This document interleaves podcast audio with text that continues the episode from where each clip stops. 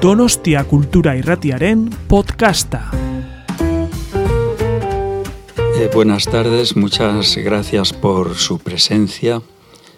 Eh, es, es, es, un gusto estar con, con Pablo Dors aquí, con, con, todos ustedes, sobre todo porque tenemos que hablar de, contemplación, de, de espíritu, eh, algo que, la sociedad echa de menos, ¿no? Estamos en una sociedad, sobra decir, ¿no? muy violenta, una sociedad adusta, muy roma, muy poco eh, receptiva, poco dúctil. Y, bueno, eh, la obra de, un, hombre espiritual como, la de Pablo es, es un lenitivo. Eh, su literatura lo es, eh, lo es, eh, lo son sus páginas que tratan directamente de la espiritualidad. lo estábamos hablando ahora, antes de, estar con, con ustedes. me comentaba que qué me había parecido el libro. yo le he dicho sobre todo, bueno, pues que me había gustado el estilo de, cercanía, un, un, estilo voluntariamente eh, claro, con una necesidad de, de acercarse, de tender eh, la mano, de, de, entender las cosas. Hay una, una, voluntad también en su libro del silencio, una, una voluntad de entender las cosas, nunca, nunca elitista, nunca dirigido a unos pocos, ¿no? con mucha conciencia, creo yo, mucha conciencia de, de su labor, de su labor espiritual, eh, su labor religiosa, eh, con, con esa, esa, voluntad también de, conciliación, de, concertar ¿no? eh, este mundo que está eh, tan fisurado, tan fisurado en, en opuestos, ¿no? Eh, opuestos que no, como en la filosofía griega, suponían una armonía por la tensión establecida y encontrar el punto medio, ¿no? No, no, opuestos por, por antagónicos. Así que cuando me dijeron de, pues para presentar este libro, yo no, no, no suelo hacer presentaciones, no lo dudé pues por, por, la, por la afinidad que puedo eh, sentir hacia su trabajo, mmm, por su manera de, de, trabajar el espíritu, porque el espíritu se trabaja. Eh, como verán en el libro, él eh, les podrá hablar eh, con, con, mayor propiedad, puesto que es su, su autor, pero, pero, hay historias sencillas eh, que pueden pasar su importancia puede pasar de inadvertida si no leemos bien, porque son siempre, están llenas de, propuestas, eh, sus, eh, sus, frases, eh, sus páginas dejan siempre un, un silencio. Que, no es un silencio que interroga, si sino que es un silencio que se convierte, se transforma en un, en un espacio, ¿no?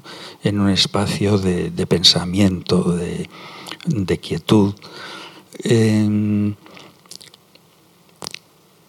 claro, él eh, manan muchas influencias sobre, sobre su obra. Él, él pues conoce perfectamente, eh, es absurdo decirlo, ¿no? Su, su, tradición, pero también hay una aproximación al pensamiento oriental, el nombre del primer capítulo, Wu, que hace referencia al vacío. Wu es no ser en el taoísmo, pero también es vacío y que a mí me interesa particularmente.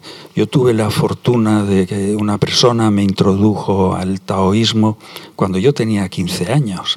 Era muy, muy joven y para mí fue, eh, fue fundamental ¿no? para, para mi existencia.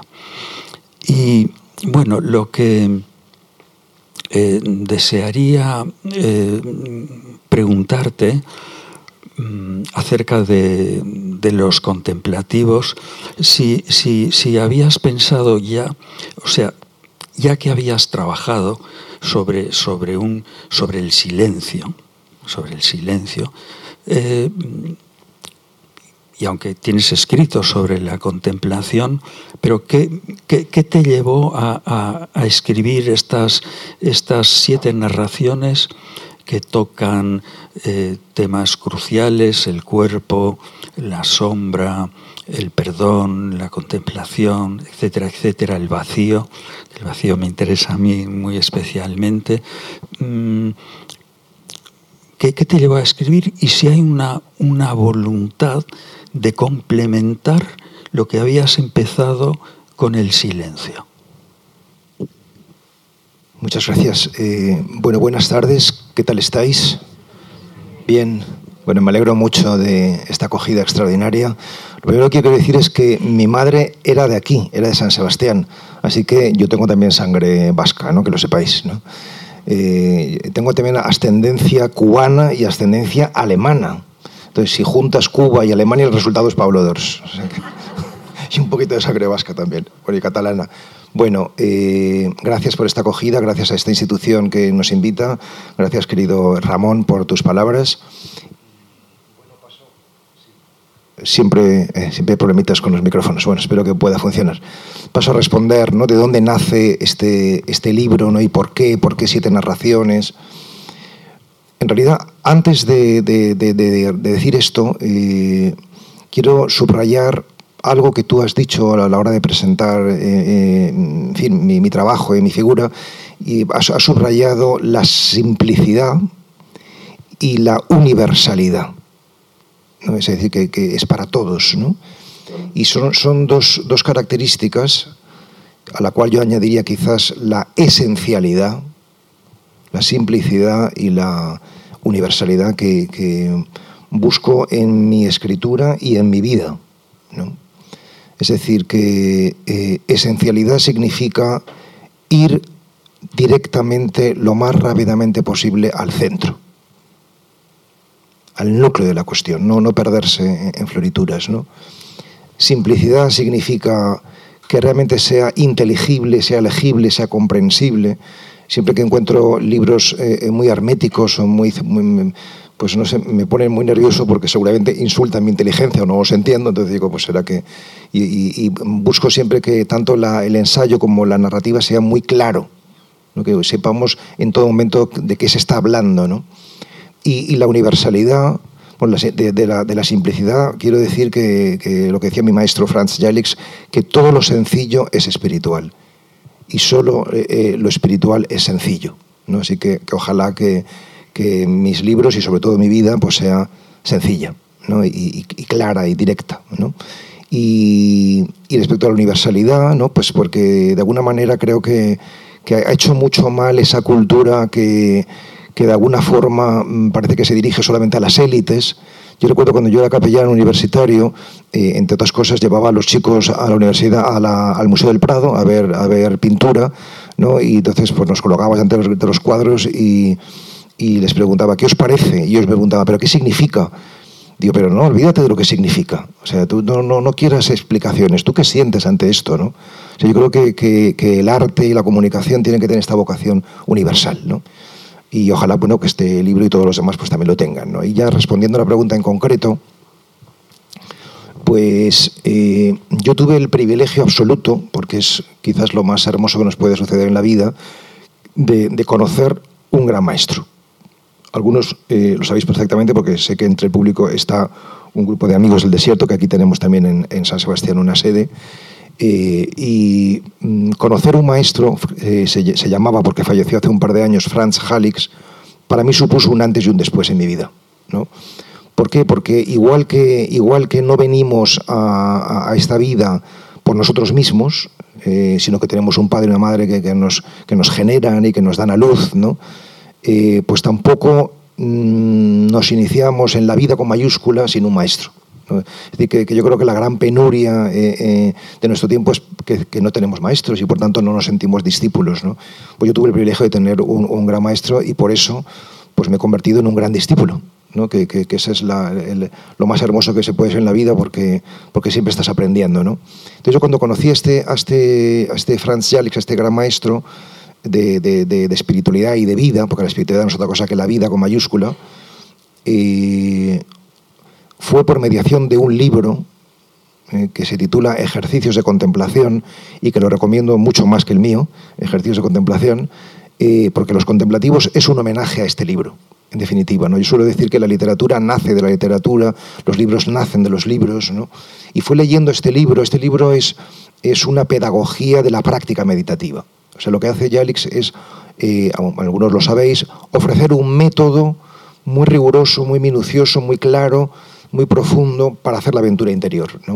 Y desde que yo leí ese libro y mucho más después cuando le conocí a él y cuando empecé a, a practicarlo, me dije a mí mismo, me gustaría contar esto que estoy leyendo, que estoy viviendo, en forma de narraciones, en forma de relatos. ¿no? porque mm, muchos lectores no van a leer un libro de espiritualidad o no van a leer un libro de meditación, y mucho menos si tiene un, cierto eh, eh, aroma cristiano. Pero en cambio, un libro de, relatos, pues seguramente sí. Y, los grandes temas que, que Alex plantea en diez tiempos, yo los he resumido en siete, pues, pues son los que retomo de alguna forma en, en los contemplativos. Y esta es una idea que entonces empecé a acariciar hace nada menos que diez años, y de alguna manera, si ahora estoy mm, pues muy contento, ¿no? eh, eh, entre otras cosas, es porque creo que este libro, eh, pues aúna mejor que todos los anteriores esta doble vocación que yo siempre he tenido de, por una parte, narrador, creador, escritor y por otra, pues, pues comunicador espiritual, sacerdote, el mundo de la religión y el mundo del arte. ¿no? O sea, creo que aquí se fusionan y que si durante mucho tiempo yo sido una persona que vivía pues en este conflicto de una doble pertenencia, ¿no? el arte y la religión, ahora ya no vivo este conflicto. ¿no? O realmente el espíritu lo ha disuelto y, este libro pues ojalá sea una, demostración de que, de que, se ha disuelto y que se han hecho uno, por fin soy uno, eh, ya no soy muchos. Ahora que tengo delante a un, sacerdote, a un autor, eh, no me resisto. Eh, eh, tengo una, es una tentación, ¿no? De, preguntar, ya que... es posible que creas todavía? Sí. ya que eres una persona de, de acción, con una vocación universal, mm, ¿qué piensas del quietismo? Me refiero a ese quietismo que empieza a aparecer en Occidente, en el cristianismo, eh, tardíamente, pero bueno, con Margarita Poret, que murió en la hoguera, en la Edad Media. Después el maestro Eckhart, el gran maestro Eckhart, que fue condenado también en España hay un movimiento quietista en el 17 que culmina en la figura que a mí me parece extraordinaria de Miguel de Molinos, que murió en las cárceles de, de Roma, 1678. Em, claro, son figuras eh, para mí importantísimas, incómodas para la Iglesia, el pensamiento contemporáneo de, algunos filósofos como Heidegger ha retomado, ha retomado el pensamiento de, Eckhart, de, ese, de ese quietismo que nos devuelve al ser, al profundo ser, al silencio. Y bueno, son muchas cosas las que estoy sugiriendo. Y eso, ¿qué, qué te parece el quietismo? No la quietud, el quietismo. Pues es una pregunta maravillosa mm, que me gustaría responder pues, al menos con dos o tres vertientes de, respuesta. ¿no? O sea, la primera es que eh, la, mística es decir, la experiencia personal, interior, del misterio, siempre en todas las tradiciones de sabiduría, a lo largo de toda la historia de las religiones, ¿no? ha incomodado a la religión. Porque de alguna forma la, religión pues, eh, eh, eh, mm, representa o quiere representar lo, comunitario, ¿no? mientras que, la mística subraya los, el, sujeto. Y de alguna forma, pues los místicos o los que de alguna manera pretenden o pretendemos que tener una experiencia personal, interior, pues somos personas o son personas que han descubierto, están descubriendo, estamos descubriendo que nosotros somos el templo. Nosotros somos el templo, ¿no? Y claro, eh, eh, si nosotros somos el templo, pues quitamos la clientela al templo oficial, ¿no? De tal manera que si, que si hay uno, o mejor dicho, dos personajes incómodos para, para la religión, eh, pues por una parte es el, el, por una parte es el, o mejor dicho, incómodos para la mística, eh, o con dificultades para entender la mística, para vivir la mística, pues es el hombre religioso y el hombre intelectual. O sea, la mente y la religión, o sea que un intelectual eh, eh, religioso es el que más difícil lo tiene para meditar, ¿no? porque tiene más, más reservas. ¿no? Entonces esta sería una primera vía de respuesta, o sea, que, que, el, que el quietismo haya producido incomodidad en la historia de la Iglesia eh, y no saber cómo colocar, incluso eh, eh, no es algo, diría, del pasado, ¿no? sino que incluso del presente. O sea, que, hace no muchos años, no, me gusta mucho hablar de esto y de hecho no, no, lo menciono prácticamente nunca, ¿no? pero, pero yo, yo mismo, quizás por dedicarme también al cultivo de la vida interior y por promoverlo, ¿no? o sea, fui acusado de, de, herejía ¿no? en, en, la prensa por, por, por por algunos obispos españoles. ¿no? Es decir, que, he vivido en propia carne y estoy seguro de que si estuviésemos en siglos pasados, eh, yo estaría ya en la hoguera hace mucho tiempo. hace mucho tiempo, así que demos gracias de que estamos en el siglo XXI. ¿no?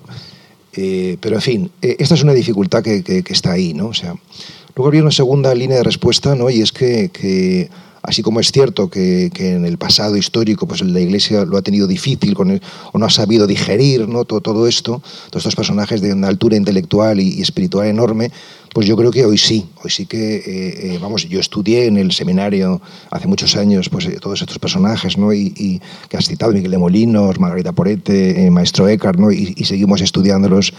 Y, yo creo que, el Maestro en particular, por lo menos en, mi modesta opinión, pues es la, cima, junto con Juan de la Cruz, de, la mística universal.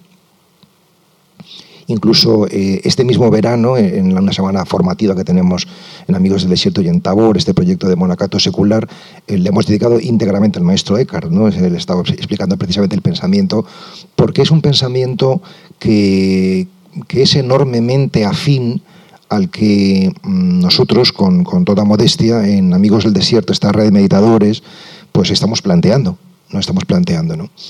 Y, cuál es esa propuesta? Pues esa propuesta, con esto concluyo, ¿no? Eh, mm, se fundamenta, que en definitiva es la, propuesta también quietista, pero con un revestimiento diferente, pero es esta misma, ¿no? Eh, se fundamenta en que estamos asistiendo a un cambio de paradigma en el mundo contemporáneo. ¿no? Y ese cambio de paradigma es, es el paradigma de la interioridad que está surgiendo ahora. ¿no? Es decir, que hasta ahora pensábamos que el problema estaba fuera. Y por eso hemos necesitado pues, investigar, conquistar, la conquista del espacio, la búsqueda, la explicación de, de, todo lo exterior. ¿no? El ser humano se ha volcado hacia lo exterior. ¿no? Y por primera vez en la, en, la, en la historia de la humanidad nos estamos dando cuenta de que el problema está dentro. Y, que, que cambiando lo de dentro, lo de fuera empieza a transformarse también, ¿no? Y eso es algo muy nuevo y por eso, por eso muchos pensadores, y yo me uno a, esta, a, este planteamiento, creen, creemos que, hay una historia de la conciencia, hay unos niveles de conciencia, ¿no? Y igual que, nos, que, que, ahora mismo estamos instalados en el nivel de conciencia racional, y la razón es, el principal mito, ¿no? Los que tienen prestigio pues son los, hombres de ciencia y, de, logos, ¿no? y al igual que en el pasado el paradigma no era la razón, sino que era el mito o era la magia, ¿no? pues está abriendo este nuevo paradigma que, sería lo, místico, ¿no? sería la conciencia, que no es un paradigma que, que, excluya lo anterior, sino que lo incluye. O sea, no es que ahora vamos a ser irracionales, somos, somos transracionales, ¿no? incluimos la razón y la trascendemos. ¿no? Y, bueno, pues yo creo que, lo que eh, en mis libros y también en, en, en, en, esa acción que despliego con Amigos del Desierto, intentamos plantear justamente, justamente esto, una, una práctica de la quietud hasta el punto de que nos definimos muchas veces como los nuevos esicastas. ¿no? El esicasmo es una corriente espiritual en la historia del cristianismo, esiquía, que buscaban la paz por medio de la quietud. ¿no? Es decir, que, nuestras propuestas a la, a la sociedad contemporánea no son propuestas de acción, sino precisamente propuestas de inacción. Propuestas de inacción. ¿no? Porque creo, y ahora si queréis si quieres hablamos de esto, ¿no? del poder profundo de la contemplación, ¿no? de transformación. Sí, con respecto a la razón, ya desde un punto de vista filosófico, hay algo crucial que, dice, que decía Heidegger, y es, y es así, que, que, uno de los problemas, yo creo que muy serios de Occidente, es que solo ha sabido plantear la razón como lógica. Y claro, esto nos ha coartado, nos ha cortado las alas. Esto por un lado. Eh, es, una, pregunta o una reflexión hecha con, la mejor voluntad. ¿eh? No, no, hay, no hay acritud ni, ni acusación, nada. Pero no sé si convendría pensar que el cristianismo en, los últimos siglos, la Iglesia católica, sobre todo, mm, ha, formulado un, un, discurso muy paradójico porque yo creo que tiene algo de nihilista, hablando siempre de la eternidad, de la vida futura, y ha habido cierto desprecio del mundo, que es un valle de lágrimas nada más. Yo creo que no hemos entendido bien el mundo y por lo tanto, ¿qué es eso de existir en el mundo? ¿No? ¿Tú crees que, que estoy muy, muy equivocado? No, no estás muy equivocada, no. Es una gran pregunta.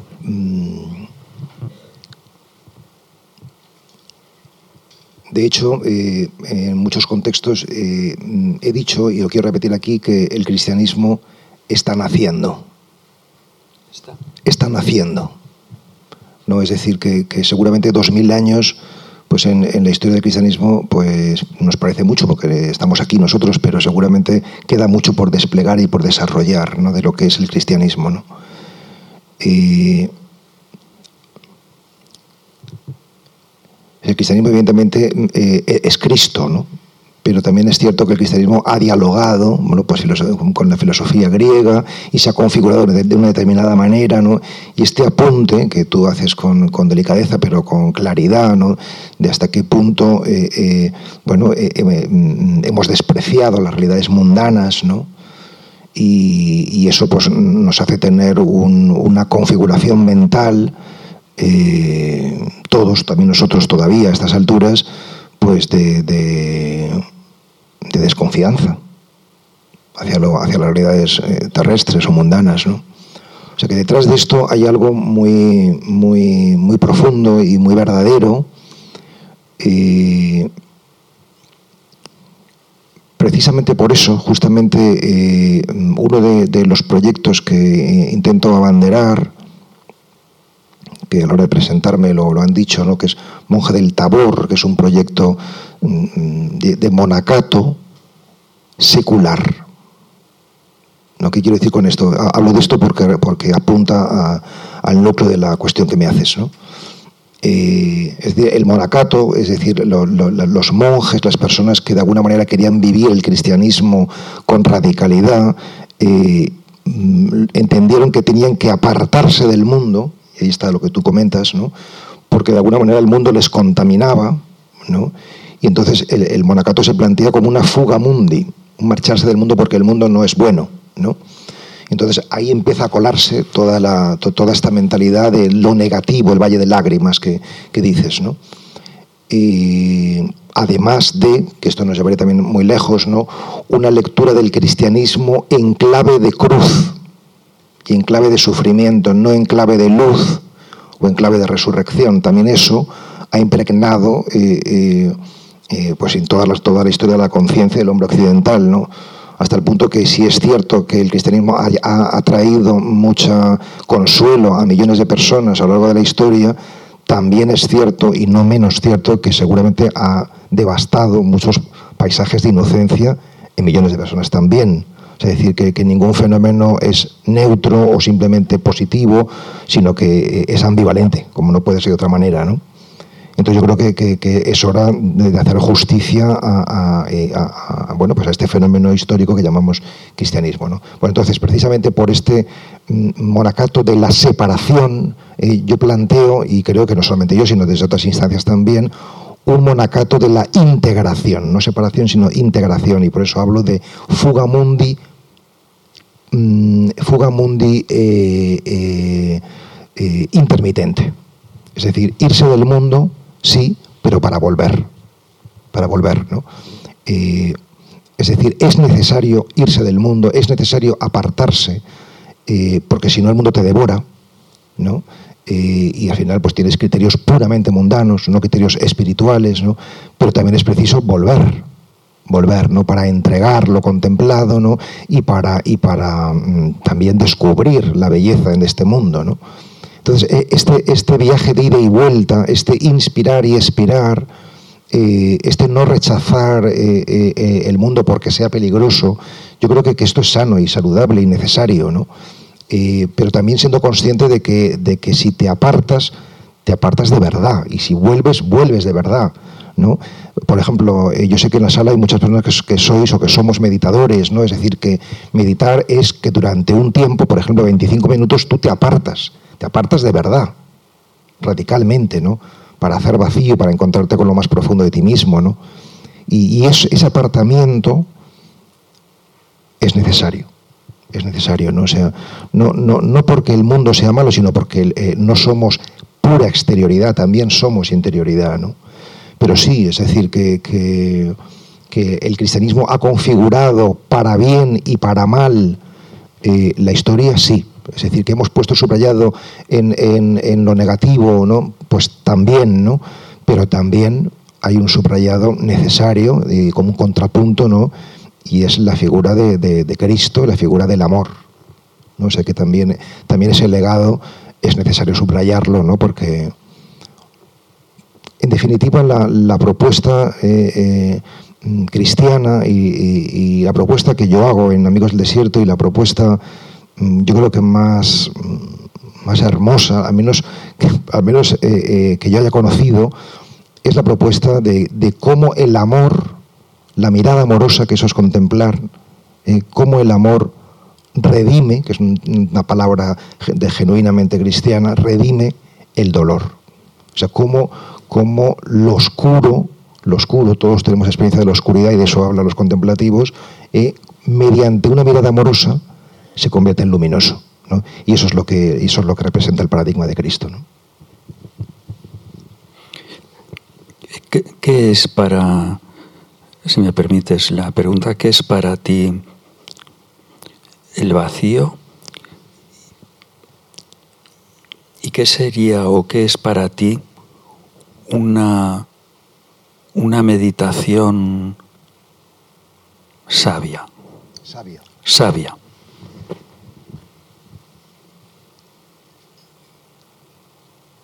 Una cosa que, suelo decir en los retiros de iniciación a la gente que quiera apuntarse a Amigos del Desierto, que hacemos un retiro de fin de semana, yo les digo, olvidaros del mito de la mente en blanco. O sea, que yo no consigo dejar la mente en blanco, ni yo tampoco, ¿no? O sea, decir que, que, eso es un mito, ¿no? O sea, no se trata, específico, del control absoluto de tu mente, sino de la absoluta aceptación de lo que tu mente es, que es diferente.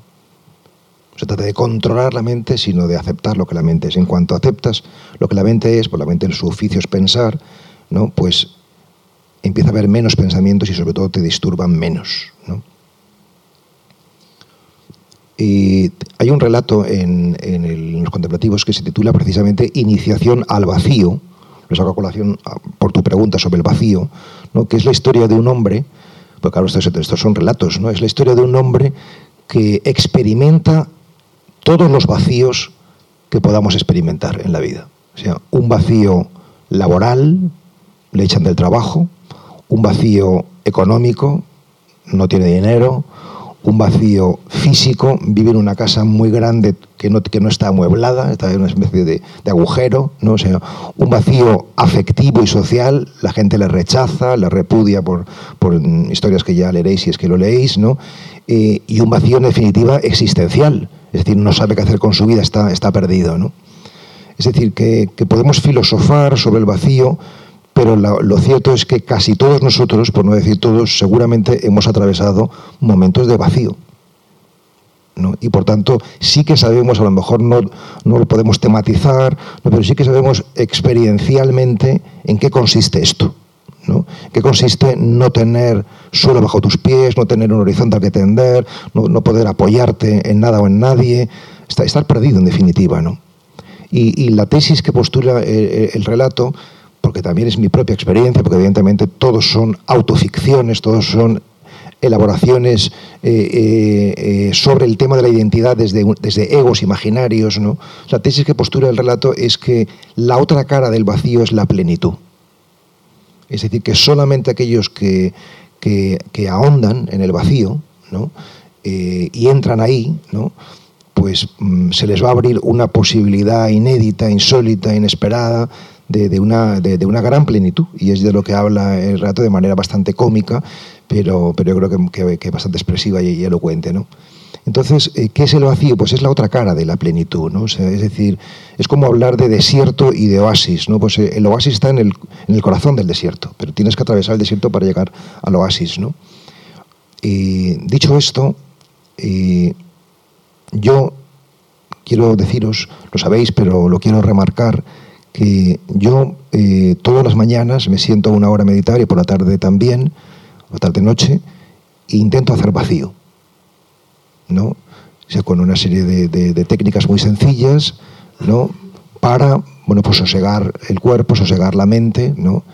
¿Por qué? Porque me he dado cuenta de que, de que eso lo consigas más o menos, nunca lo consigues en plenitud total, pero, pero eso mm, nos hace mucho bien. Nos hace mucho bien. O sea, que, estamos permanentemente llenándonos de estímulos de todo tipo, y que dedicar un tiempo al vacío, ¿no? para, para, para, para vaciar, para... es necesario. O sea, yo justamente antes de venir aquí, para hablar, he estado media hora precisamente con los amigos de Sieto haciendo silencio. O sea, para que luego la palabra pues nazca de esa cepa. ¿no? O sea, que, por ahí iría un poquito la respuesta. ¿no? Estaba pensando ahora, cuando te escuchaba, mm, somos plenitud y vacío, o somos lo lleno y vacío. Para los occidentales, vacío es algo negativo, no para los orientales. En un poema de, de Lao Tse se dice que eh, los radios que, de, una rueda que convergen en, el eje, que el espacio, el vacío que hay entre radio y radio es lo que hace posible la rueda ¿no? y hace posible el movimiento. Mm, cuando tú escribes, por ejemplo, cuando escribes los contemplativos, cuando empiezas a escribir una página, vienes del vacío, de un vacío previo, cuando la escribes sigues en él o te sientes pleno ya cuando empiezas a escribir. ¿Qué hay de vacío? ¿Qué hay de, plenitud en, en el tejido, en la textura de lo que escribes. Esto sí que es difícil, ¿eh? Joder.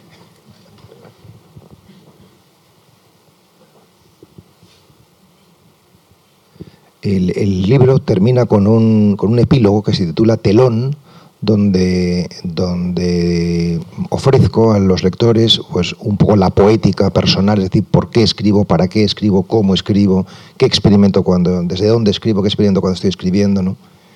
Y, eh, yo descubro que las actitudes y el talante fundamental de mi ejercicio de escritura, de mi ejercicio de palabra, es bastante afín, bastante análogo a, la impronta, el talante, las actitudes de mi ejercicio como meditador. Es decir, que, la actitud que tengo en, la meditación es muy parecida a la que tengo en, la escritura. ¿no? Es una actitud, mmm, tú lo decías antes, el, espíritu hay que trabajarlo, yo digo, hay que cultivarlo. ¿no? Es, es, es una actitud de atención, fundamentalmente. ¿No? Lo que pasa es que la meditación es una atención para el silenciamiento, ¿no? O sea, y por tanto para la experiencia, y en la escritura es una atención para la expresión, no para la experiencia, sino para expresión. ¿no? Pero se trata de, estar atento a lo que realmente mmm, emana, ¿no? o viene. ¿no? Y porque no se trata de que tú te pongas a escribir sobre lo que tú crees que quieres, que quieres escribir, sino que escuches dentro lo que pide que sea escrito. ¿no? Es decir, esa es la, eso es lo difícil. Lo difícil es realmente dejar hablar a tu yo profundo ¿no? para que salga lo que tenga que salir. ¿no? Y entonces, normalmente eh, cuando yo era un hombre joven, pues eh, esa tarea de espera y de y de acogida eh, me torturaba mucho y sufría. ¿no? O sea, ahora he madurado un poco y ya he decidido no sufrir, ¿no? sino gozar ¿no? y, disfrutar de, de, esa espera. ¿no? Y realmente, eh, tanto en la meditación como en la escritura, o sea, la experiencia de cuando llega algo que es genuino y que es verdadero y que tú sabes que eso toca tu corazón y por tanto puede tocar el corazón de otras muchas personas porque es universal, porque es muy personal, por eso es universal. Cuando eso se produce hay una gran alegría, hay un gran gozo.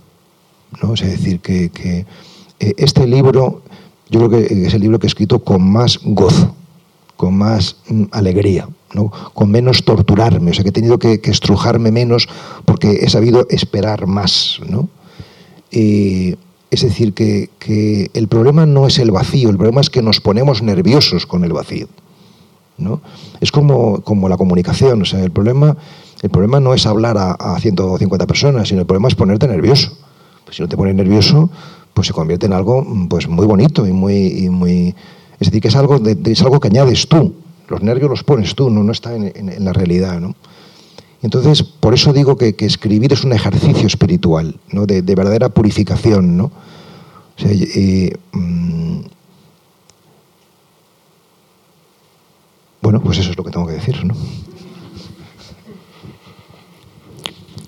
Eh, me gustaría preguntarte... Y que, que, mística y poética, experiencia y expresión, eh, silencio y palabra son para mí eh, correlativas. ¿no?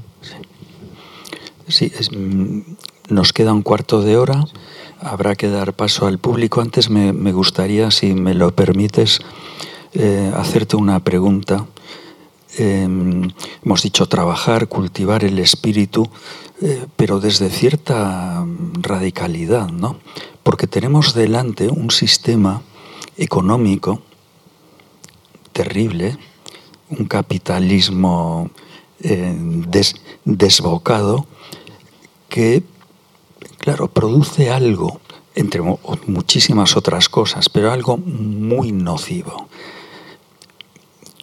que es estimular el deseo, el deseo, no solo de consumir, sino el deseo continuo, no es un ejercicio de voluntad enfermizo, el deseo.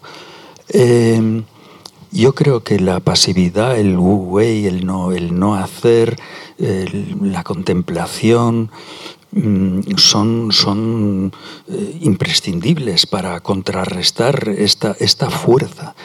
Pero eh, realmente esto te lo pregunto de una manera, aunque estamos ante muchos amigos, eh, de una manera íntima. Desde, desde el no hacer, desde el, y por tanto no ser colaboracionista, desde la quietud y el silencio, realmente podemos, podemos hacer algo en contra de esta avalancha brutal del capitalismo. ¿Es real todo lo que estamos diciendo? Sí, desde el no hacer podemos hacer algo. Muy bonita pregunta, ¿no?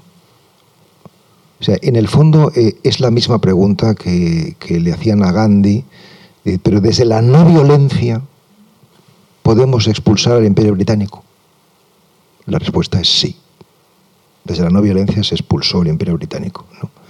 Es decir, eh, claro, mm, cualquiera que no esté en el mundo de la, de la práctica meditativa en serio, pues esto que voy a decir ahora le parecerá música celestial o le parecerá una utopía absoluta y una ingenuidad incluso, ¿no? Pero eh, los ingenuos son ellos que piensan así, porque no, no, lo han conocido y por eso hablan desde, desde la ignorancia, ¿no?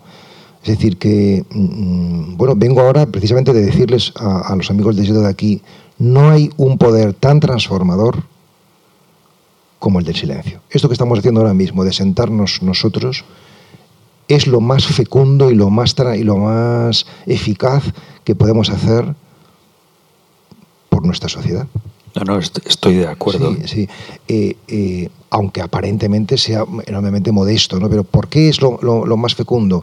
Porque no hay un cambio social que tenga fundamento, que tenga solidez, si no va precedido y acompañado por un cambio personal. Es decir, es decir, nuestras acciones externas, si no van avaladas por verdadera experiencia personal del asunto, se desmoronan antes y después, y es lo que estamos viendo. ¿no? En cambio, eh, eh, cuando van avaladas por esto, mm, no es que tengas que hacerlo fuera, sino que es que se traduce inmediatamente.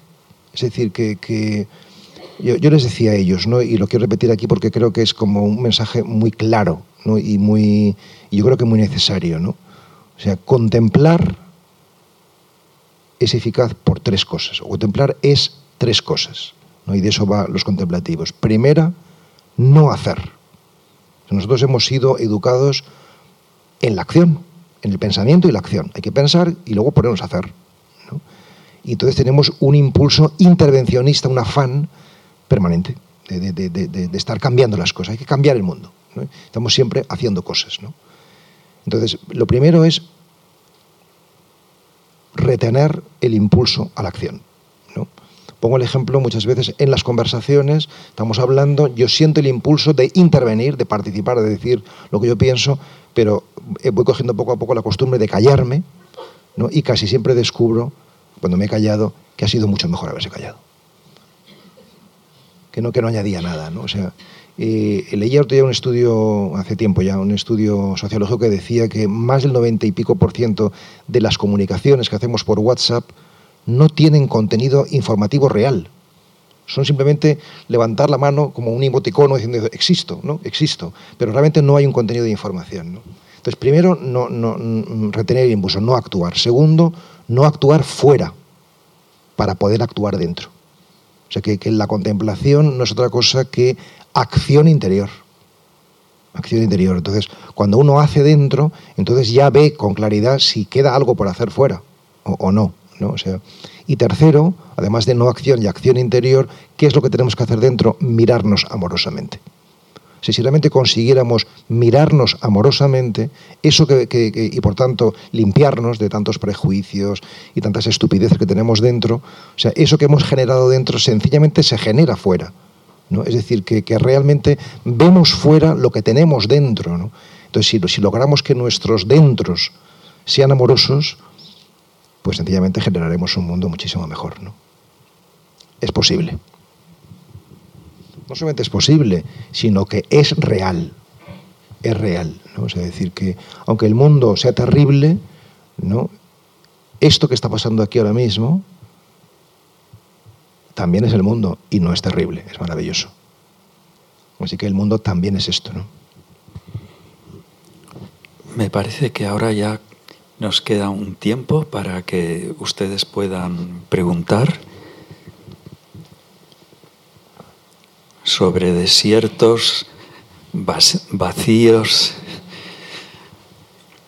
y contemplaciones.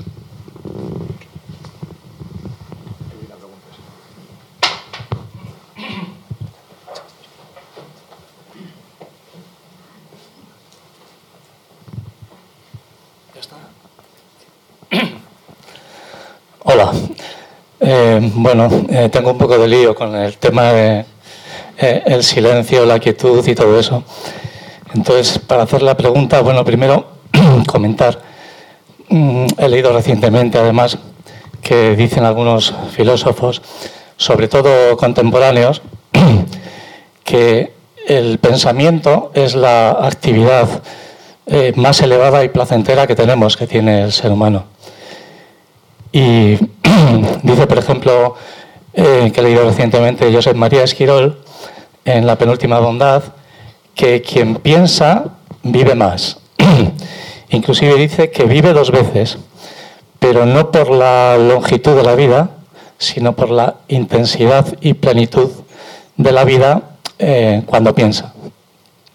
Entonces, por otro lado, está, bueno, nos encontramos con las propuestas eh, de, como la meditación que propone eh, la abstracción un poco del pensamiento, ¿no? Eh, yo soy muy novato en esto de la meditación y todavía no puedo hacerlo, no puedo dejar meditar y dejar de, de pensar.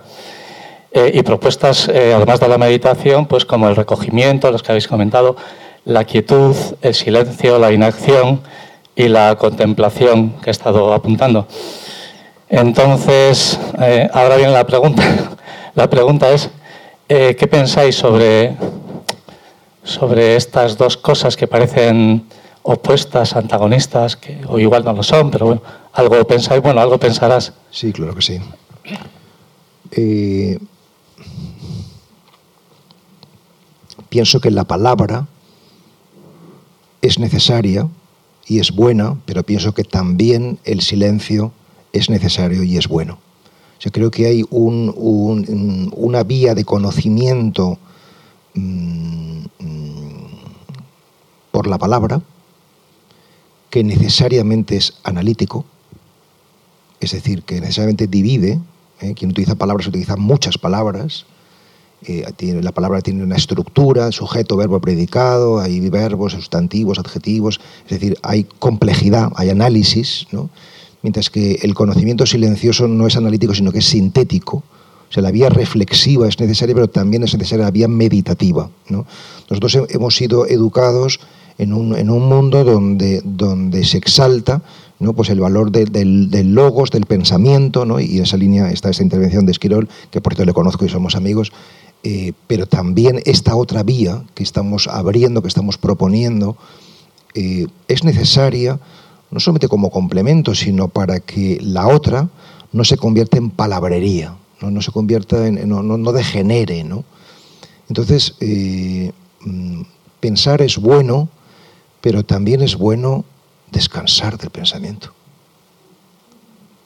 ese comer es bueno, pero también es bueno no comer todo el rato.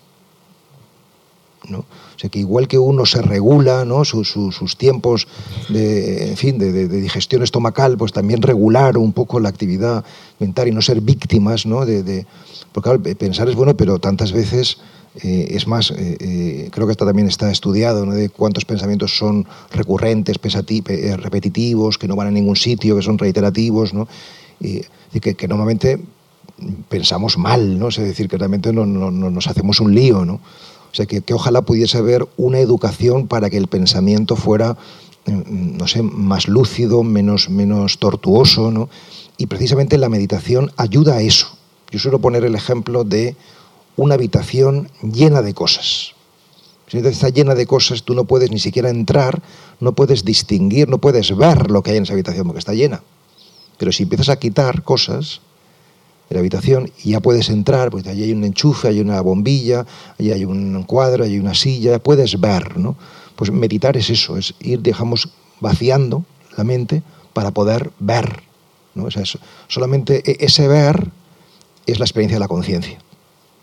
Y, eso pues, eh, eh, te lo da fundamentalmente el silencio. Así que yo creo que no es que el pensamiento sea malo, sino que necesita complementarse con la meditación o con el silencio. ¿no? Y yo no tengo ninguna duda de que, de que, dentro de, no sé, 50 años o un siglo, pues esta práctica de, estará extendida en todos los colegios, universidades, o sea que formará parte de, nuestra, de la formación humana. Sí. Si me permites añadir una cosa con respecto a lo que ha dicho usted. Em, yo creo que el pensamiento lo es de verdad cuando, cuando trata de, de ordenar, es decir, de entender. Cuando el pensamiento construye, está proyectando. Y eso es lo que nos pierde, la continua proyección, la continua proyección de todo, de nuestra mente. Es, una, una, fuga sin término, un camino sin, sin final. Estamos proyectando, o sea, pasividad también en esto. Pero hay un pensamiento que es el pensamiento que busca el orden, es decir, entender, entender. Pero es fundamental no construir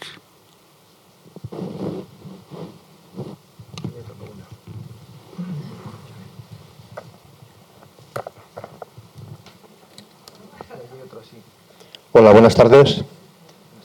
Eh, quería eh, primero darle la bienvenida a Pablo a San Sebastián, a Donosti. Eh, quería establecer un paralelismo entre el misticismo cristiano occidental y la filosofía y la filosofía oriental, budista sobre todo.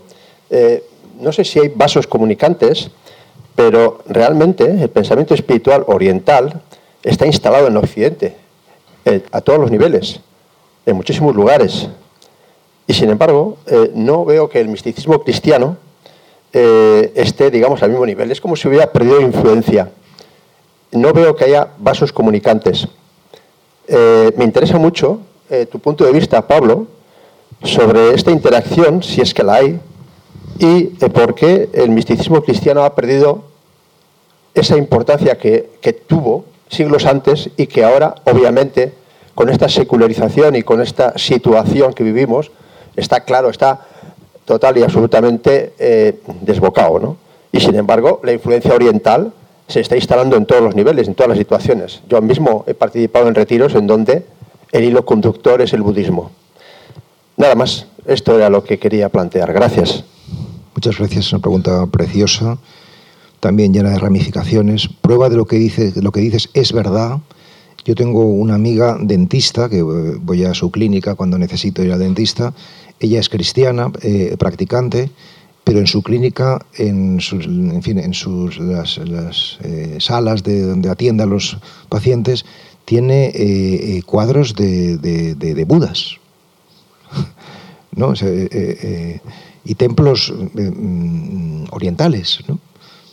O sea, que, realmente es verdad lo que dices, que, el budismo y, en general la estética y la, filosofía budista van impregnando cada vez más Occidente. Yo creo que esto es un hecho. ¿no? yo voy a decir algo que seguramente va, va a provocar una cierta eh, eh, sorpresa o una cierta reacción, pero me, voy a arriesgar, ¿no? O sea, eh, y es que el, misticismo cristiano no es que haya perdido prestigio, sino que realmente ha existido muy poco. Muy poco. Es decir, que, realmente la, mística cristiana ha sido una corriente de, de vida y de pensamiento más bien minoritaria más bien minoritaria o subterránea y marginal. ¿No? Es decir, que, la, historia de la Iglesia se ha configurado en, pensamiento, teología, acción, pues, catequesis, eh, misión ¿no? y, culto, pues, la liturgia, la, misa. es así como se ha configurado, pero no se ha configurado en experiencia mística. De hecho, siempre cuento una cosa que a mí me parecía alucinante, pero, muy reveladora de cómo se ha configurado la, tradición cristiana en, estos dos milenios, y es, eh, hace, no sé, 20 años fui al monasterio de Batuecas, que está en, Salamanca con, Cáceres, que es un sitio maravilloso que recomiendo visitar. Había un frailecillo pues no sé, de 80 años, ¿no? Y, entonces yo tuve alguna conversación con él y le dije, bueno, aquí tendrá usted mucha experiencia de oración muy profunda y, mística. Y, me dijo él, ¿mística? Mística no, esto es para la gente que, en fin, que, tiene una llamada muy especial. Yo me conformo con rezar el rosario y rezar los salmos.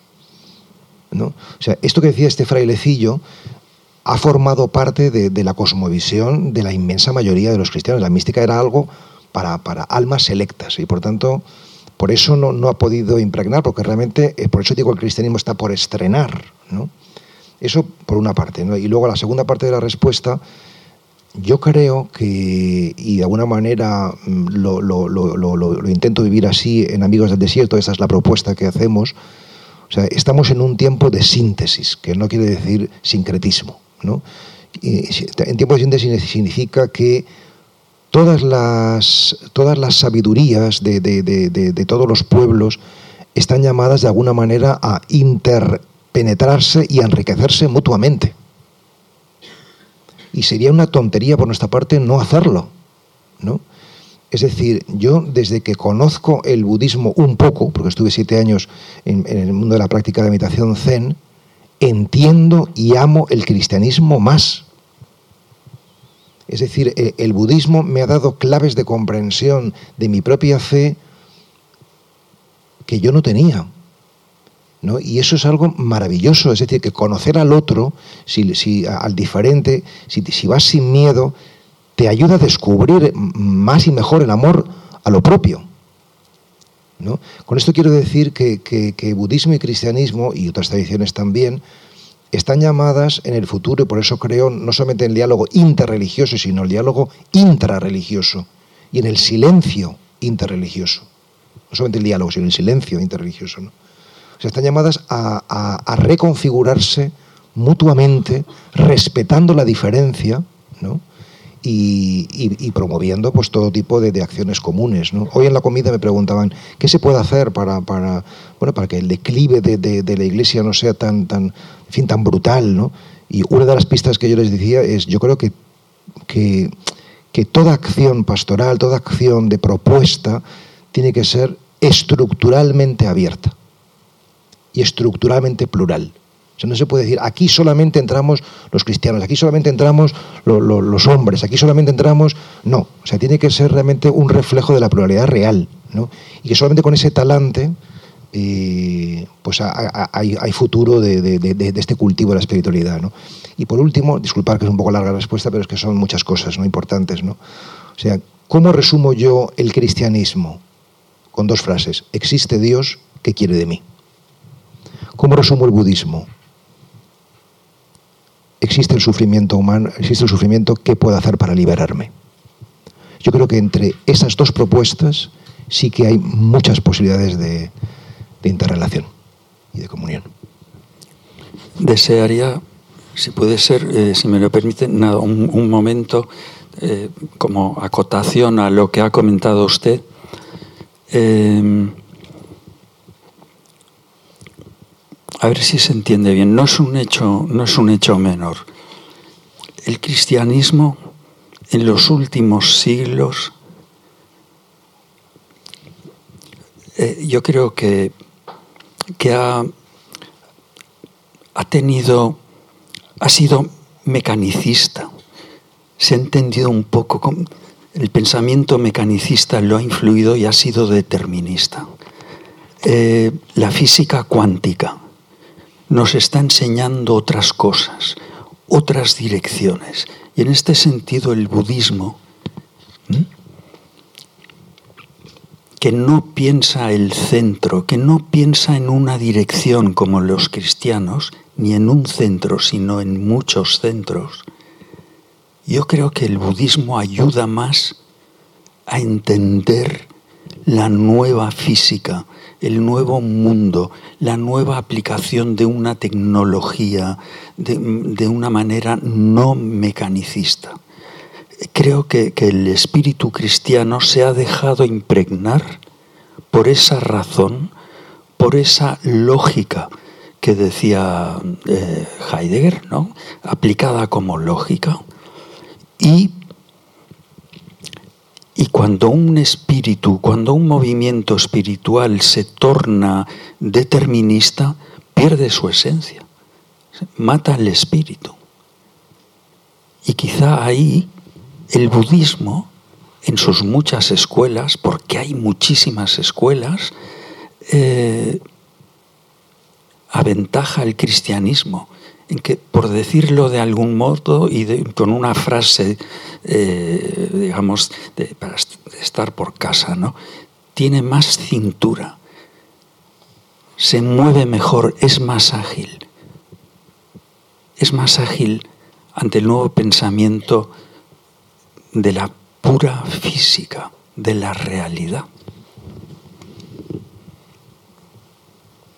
De todas maneras, yo cuando estuve en, Oriente, ¿no? en el Tíbet, en, Nepal, en, la India, o sea, a lo que más me ha recordado, eh, en fin, la, religiosidad que yo he visto allí es a, Lourdes y a Fátima. Con esto quiero decir que, muchas cosas que llamamos budismo es una elaboración occidental pasada por nuestro pensamiento ¿no? de, lo que es el, el budista, ¿no? pero Sí, yo creo que la física cuántica, como, como, como, dice Ramón, pues ha venido a revolucionarlo todo y hacernos pensar de manera diferente, ¿no? No sé si hay más preguntas o sí. Pablo, eh, tengo una pregunta. Yo soy una persona que a veces le doy vueltas a la cabeza antes de irme a dormir, y entonces procuro relajarme y me gustaría saber qué cosa me recomiendas más si leer un libro de psicología antes de irme a dormir o meditar. Leo un libro de Ramón Andrés, por ejemplo. Eh, yo recomiendo meditar, meditar, ¿no? O sea, decir que... O sea, no quiero, no quiero sonar fundamentalista, ¿no? pero creo que, que sin despreciar ningún otro camino, sino valorándolos, ¿no? Pero lo que yo he encontrado en la meditación es que mm, mm, no lo he encontrado en ningún otro sitio, en ninguna otra práctica. ¿no? O sea, me parece el camino más radical y más eh, transformador, pero quiero decir por qué, no simplemente es que me ha dado por ahí, ¿no? sencillamente porque es en el camino en el que tú te quitas más de en medio donde ya no tienen protagonismo tus pensamientos, tus sentimientos, tus emociones, tu cuerpo, sino que el protagonismo lo tiene Él. Dios, el misterio, el vacío, el silencio, como quiera uno llamarlo. ¿no? Entonces, ese quitarnos de en medio eh, es, la actividad más desegocentrada que existe. Aunque también podemos manipularla y convertirla en una fuente de alimento del ego brutal, pero, pero, pero en sí mismo yo siempre lo suelo decir, la palabra siempre genera competitividad o, comparación, pues yo hablo mejor que tú, tú escribes mejor que yo, tú tienes más razón, yo tiene menos, siempre genera disensión, pero el silencio, yo no puedo decir me callo mejor que tú. Es decir, que el silencio nos hace estructuralmente humildes, ¿no? Y ese es su poder, ese es su poder, ¿no? Bueno, sí, una última pregunta me dicen y, terminamos. Y aprovecho para decir que si ahora queréis que yo os firme el libro, lo firmo con muchísimo gusto y, ojalá que os guste también el libro. ¿no?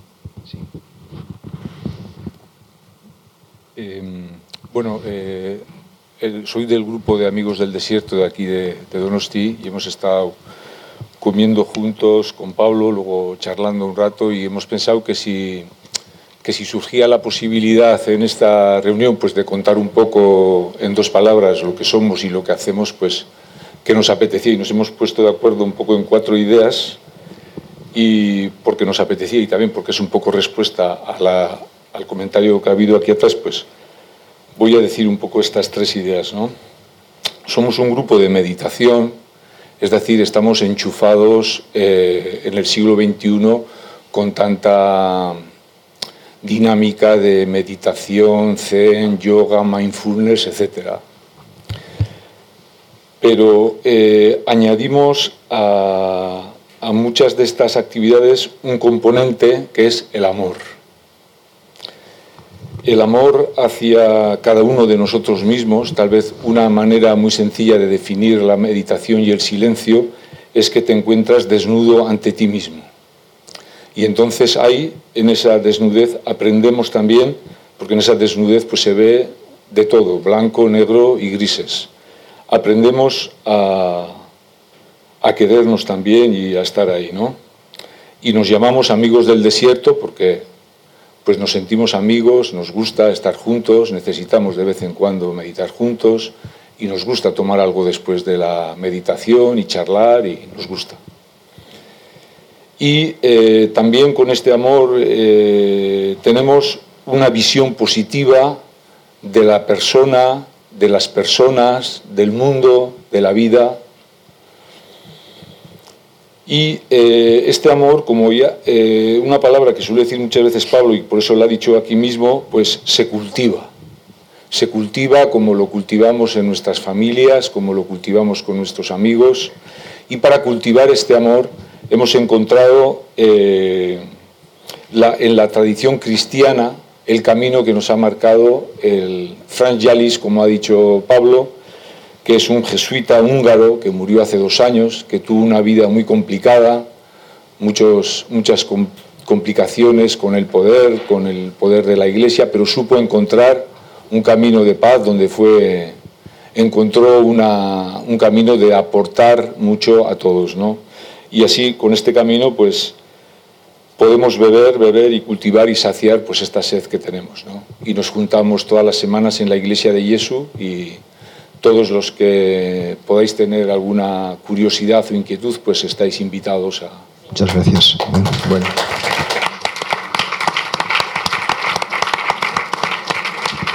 Pues si queréis cerrar, cerramos.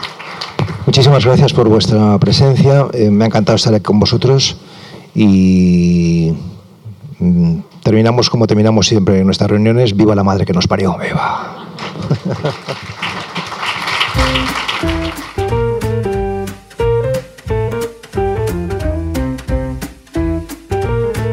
Donostia Kultura Irratiaren podcasta.